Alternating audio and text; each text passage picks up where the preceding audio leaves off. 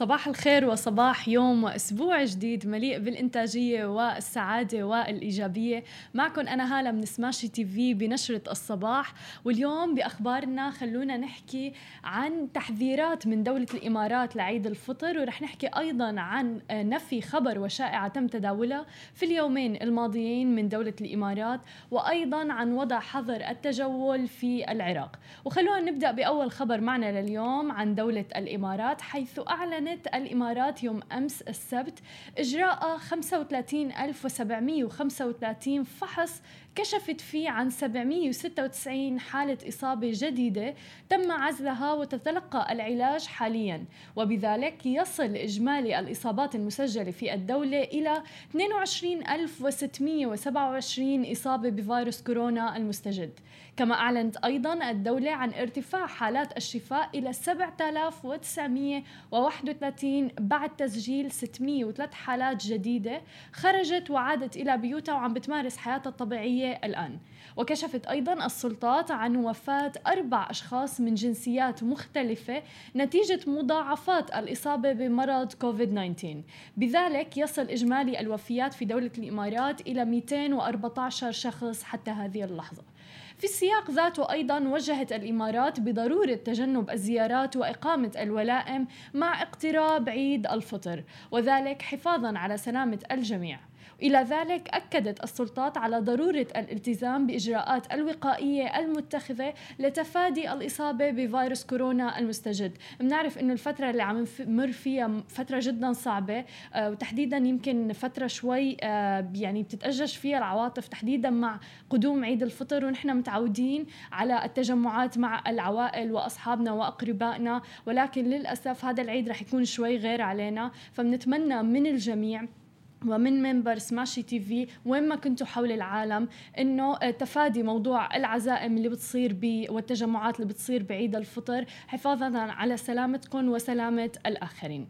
أما عن خبرنا الثاني فهو عن خبر تم نفيه وتم تداوله في ال weekend حيث نفت حكومة دبي ما تم تداوله يوم الجمعة حول تكهنات مفادها أن محادثات تجرى حاليا بين امارتي دبي وأبو ظبي بشأن دعم دعم اقتصادي مقدم من صندوق مبادلة التابع لإمارة أبو ظبي. مؤكد أيضا أنه تم نشر هذا الخبر من دون التحقق من صحته أو حتى التأكد من مضمونه أو التدقيق في مدى مصداقية مصدره.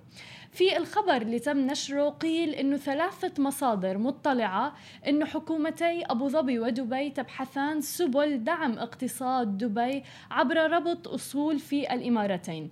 فيما من المرجح أن يطلع صندوق مبادلة الحكومي التابع لأبو ظبي بدور رئيسي في أي اتفاق وبعدها أتى النفي من حكومة دبي.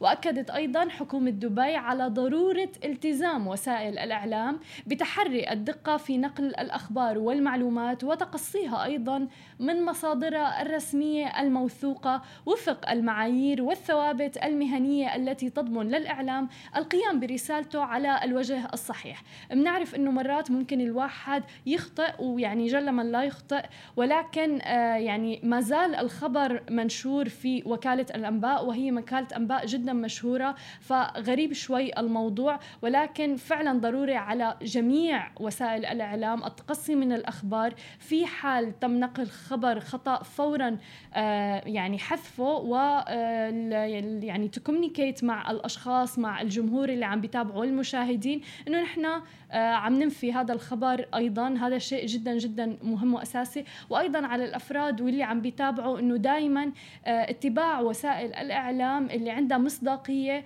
وبعض الأخبار ما ناخذها إلا من مصادرها الأساسية والرسمية. وتحديدا هلأ مع انتشار فيروس كورونا فكل الأخبار يجب أنكم تاخذوها من مصدرها الأساسي اللي هو منظمة الصحة العالمية أو وزارات الصحة في الدول.